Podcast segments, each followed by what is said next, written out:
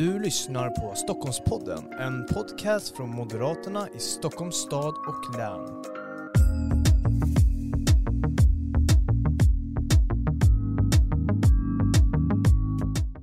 Varmt välkommen till ännu ett avsnitt av Stockholmspodden. Det här är ju Moderaterna i Stockholms stad och läns podcast där vi diskuterar aktuella politiska frågor med våra främsta företrädare. Och idag ska jag välkomna Karin Enström, konstitutionsutskottets ordförande till Stockholmspodden. Varmt välkommen.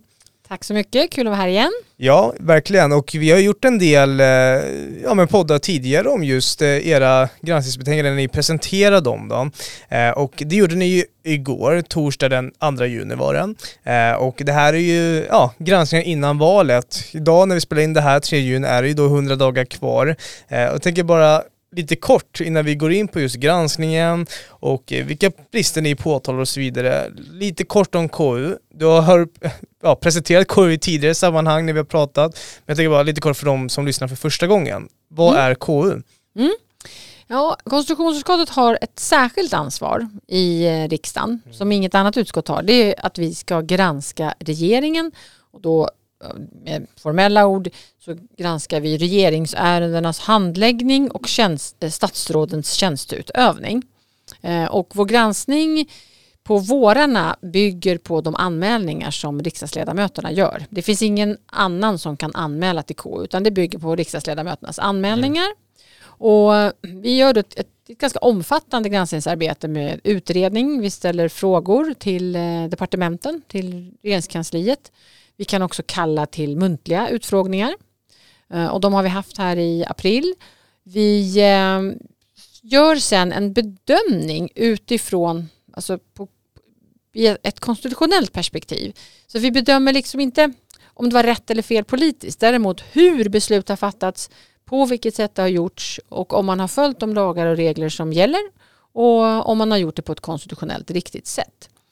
Och det som är, är speciellt det är ju att om vi lyckas bli eniga, det så att alla partier står bakom det vi säger och särskilt om vi har kritik och påtalar brister, eh, då blir det mycket tyngre än att det är om vi, säger, vi har nu en socialdemokratisk regering och så är det bara Moderaterna som står och säger det var fel och det var dåligt. Ja, det är vad man förväntar sig. Mm. Men när alla riksdagens partier säger att det här var inte bra, ni skulle ha gjort på ett annat sätt. Ni kunde ha agerat tidigare, ni kunde ha agerat bättre. Ehm, då blir det tyngre. Så det är det som är resultatet av granskningen. Så många arbetstimmar eh, presenterades då eh, i betänkandet igår. Och ehm, det känns bra att vi, att vi var eniga nu och det är extra svårt ett valår. Eh, och vi kommer med en hel del ganska tuffa besked och kritik där vi ser att regeringen och statsråden har brustit. Mm, mm. Ja, precis så. Och bara innan vi går in eh, på det som ni kommer fram till just under den här granskningen. Eh, KU har ju verkligen varit, eller konstitutionsutskottet och eh, anmälningar har ju varit verkligen på agendan under den här mandatperioden. Kanske mer än tidigare, det vet inte jag, du får rätta mig om jag har fel, men det har ju verkligen varit i media att eh, Moderaterna KU-anmäler, Sverigedemokraterna KU-anmäler minister och så vidare. Eh, har det varit fler KU-anmälningar den här mandatperioden än tidigare? Vet du det på alltså, rak tror, i, I snitt så kanske det har varit ungefär lika mycket som uh, förra mandatperioden. Men i år hade vi alltså 35 ärenden och i 14 av dem så har vi påtalat brister. Uh, men under perioden så har det gått uh, upp och ner kan man nog ändå säga. För sen kan det vara så att det inte bara är antalet ärenden utan det kan också vara omfattning av ärendena. Eh, förra året så hade vi en väldigt stor coronagranskning också som vi själva tog initiativ till som, som blev väldigt omfattande. Men som du säger, det är ett verktyg och eh, de moderata riksdagsledamöterna är ju väldigt duktiga på att KU-anmäla eh, och se där man tycker ja, det, här, det, här är, det här känns inte bra, här tycks du ha gjort något fel, det här måste KU titta på. Och det har vi både, ja, jag har en mängd exempel på där vi också har fått till brister.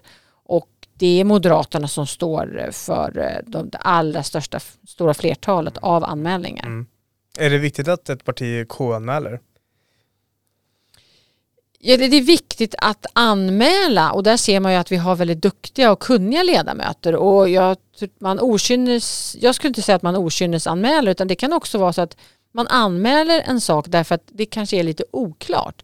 Man vill ta reda på hur har den här frågan hanterats och då, då kan vi i KU gå till botten med det på ett helt annat sätt än vad ett, ett vanligt utskott kan göra. Och det är också vår uppgift. Um, så det är bra med KU-anmälningar tycker jag. Och det är också så när det gäller uttalanden som statsråden gör att man ska kunna lita på det som ett statsråd säger, att det ska vara riktigt och korrekt. Mm. Uh, man kan inte komma med felaktiga uppgifter. Och man får inte heller uttala sig så att det kan tyckas som att man försöker påverka rättsprocesser eh, eller, eller ja, ärenden som håller på att handläggas av myndigheter. Och det är ju en väldigt viktig princip. Mm. Ja precis, och varför jag ställer den frågan är ju för att många kanske uppfattar att eh, de här KU-anmälningarna oftast är, ja men hur ska man säga, ett politiskt spel, man får medieutrymme oftast och så vidare.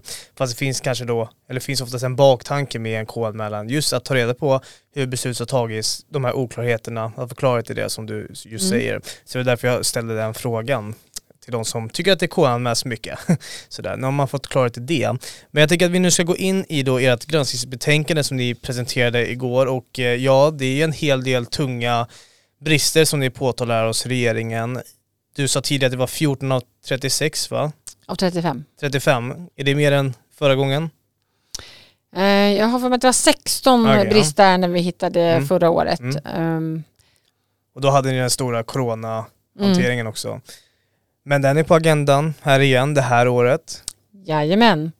Den har vi och det är väl det om man ska titta på den liksom största, mest systematiska bristen där vi har kritik mot regeringen så är det när det gäller hanteringen av coronapandemin. Och då måste man ju påminna sig om att coronapandemin alltså är den största, mest omfattande krisen och under längst tid som Sverige har upplevt eh, i modern tid. Och därför är det oerhört viktigt att faktiskt gå till botten och se hur har regeringen hanterat det här. Och det är två ärenden som vi har tittat eh, extra på och det ena handlar om själva krishanteringsorganisationen i regeringen och regeringskansliet. För den har ju varit helt avgörande för hur man hanterat pandemin. Eh, och där har vi funnit brister. Vi har funnit att det på nivån som heter GSS Alltså det är en grupp för strategisk samordning av statssekreterare som man ofta har hänvisat till. Att ja, men i GSS så har man gjort si och där har man mm. gjort så och den har varit avgörande i krishanteringen. Och då har vi försökt ta reda på men hur har det då fungerat? För det har varit svårt att få inblick i det. Och vi konstaterar enigt i, i utskottet att det har varit en otydlig ansvarsfördelning.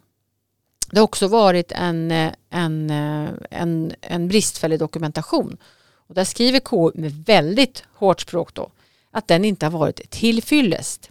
Det är ett gammaldags ord men på KU-språk så är det alltså, det betyder att den har inte varit tillräcklig.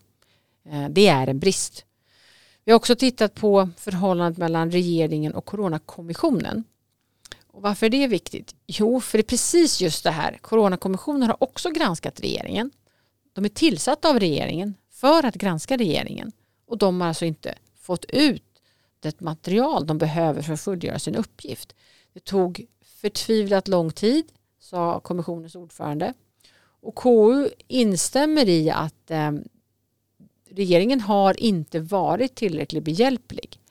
Eh, och de har också hållit igen på dokument och sagt att ja, det här, de här, det här ni frågar efter det ger inte en, en, en fullständig och rättvisande bild.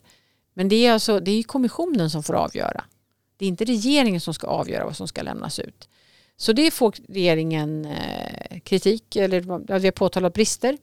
Och samma sak där, det är dokumentation som skulle ha behövts eh, som, inte har, eh, som inte helt enkelt har mm. funnits. Mm. Det är väldigt tunga och allvarliga brister på väldigt allvarliga områden. man glömmer nästan bort coronapandemin mm.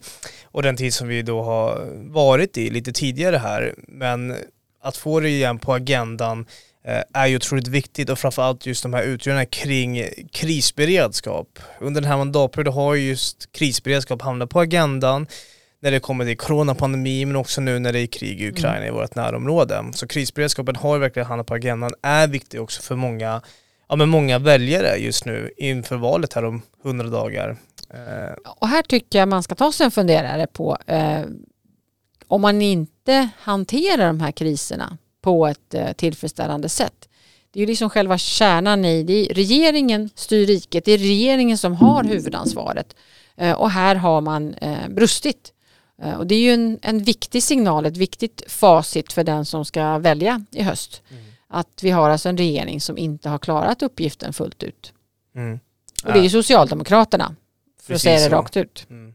En enpartisregering som ni har granskat den här gången. Tidigare har det varit Miljöpartiet och Socialdemokraterna. Ja, och vissa, av det, vissa saker har naturligtvis eh, har ju Miljöpartiet, det, det, finns delar av tiden mm. också men att det, är, det är ju ändå bra att komma ihåg att mm. nu är det bara mm. Socialdemokraterna. Ja men verkligen och eh, den här ja, men kritiken mot krisberedskap när det var ja men eh, när coronapandemin härjade och så vidare, den är ju återkommande även det här året. Om man mm. går tillbaka ett år i våran poddkatalog så hittar man ett, ett eh, till avsnitt där vi sitter och pratar om just det tidigare granskningsbetänkandet och då var ju också kritik mot coronahanteringen även där.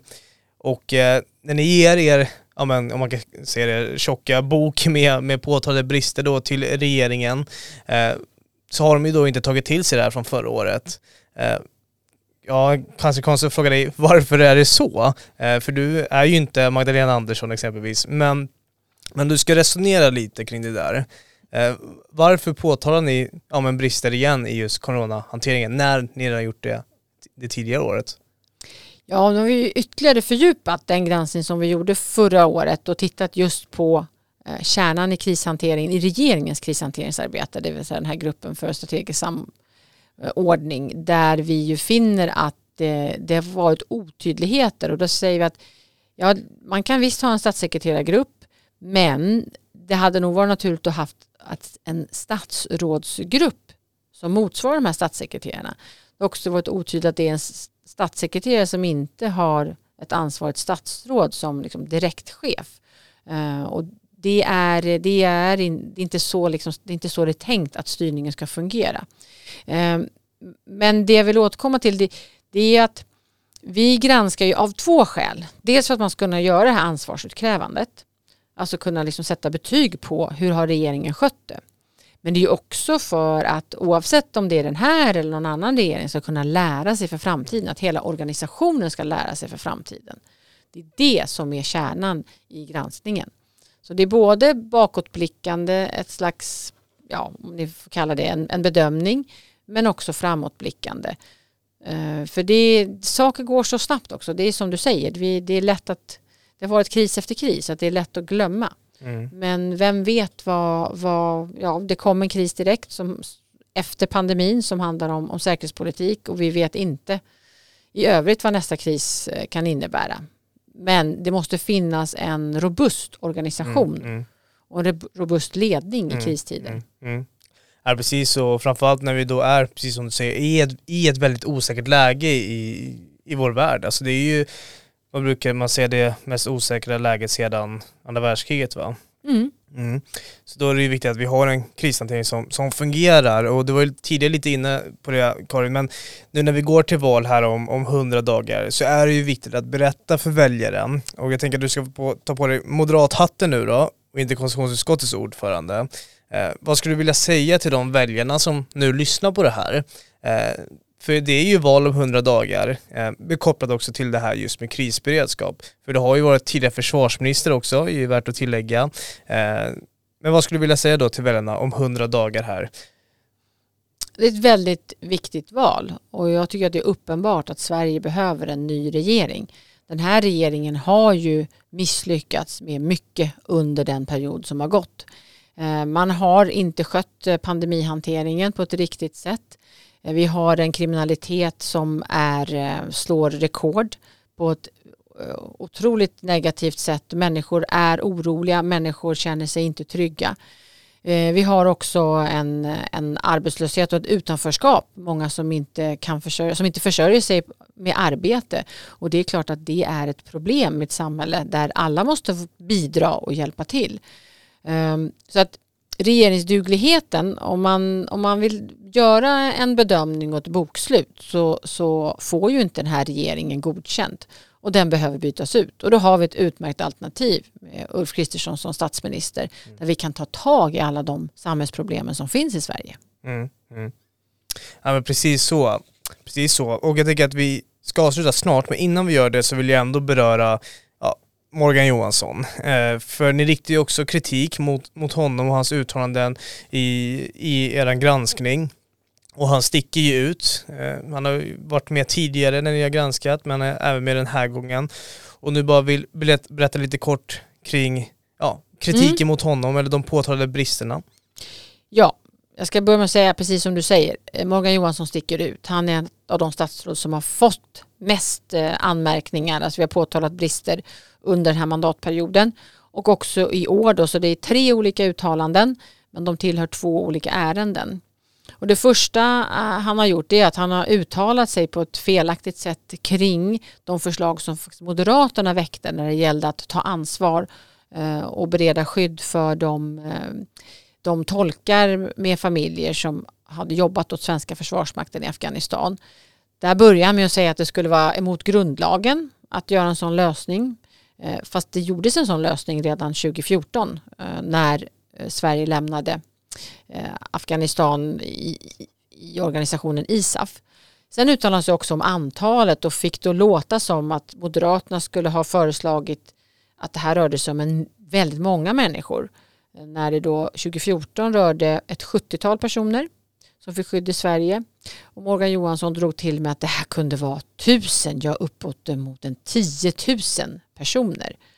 Um, och det var ju som ett sätt att klistra på uh, det moderata förslaget fullständiga felaktigheter. Och där kritiserar vi och säger att det, han har brustit, in, han har inte uppfyllt de krav man ska ställa när det gäller ett statsråds uttalande.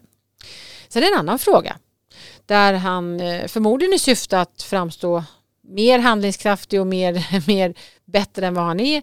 Eh, både skrev en artikel, gick ut i sociala medier och slog sig för bröstet och sa att Malmös avhopparverksamhet var så oerhört framgångsrik och att det var 80 stycken som hade hoppat av kriminella, sitt kriminella liv.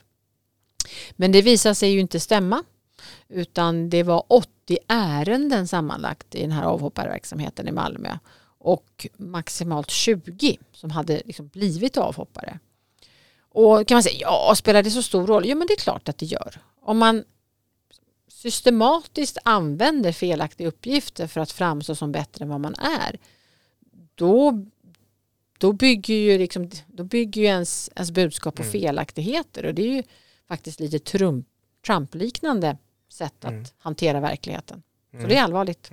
Väldigt allvarligt och man ska ju också komma ihåg att han är ju en av ja, de ministrarna med väldigt, ja men den tyngsta portföljen just nu om man, ja men efter Magdalena Andersson men ja kanske då också efter finansministern eh, i den här regeringen och för att återkomma just kring det här med regeringsduglighet, om de ja men duger till att leda det här landet eh, så är det här ett väldigt, ja om jag får se det själv, ett kvitto på att det kanske inte riktigt är så att de är ja, tillräckligt bra att leda det här landet.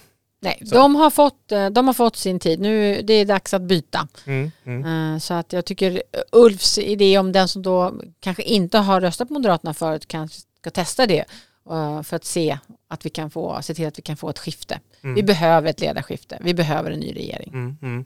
Ja men precis så. Karin Enström, stort tack för att du kom till Stockholmspodden. Tack själv.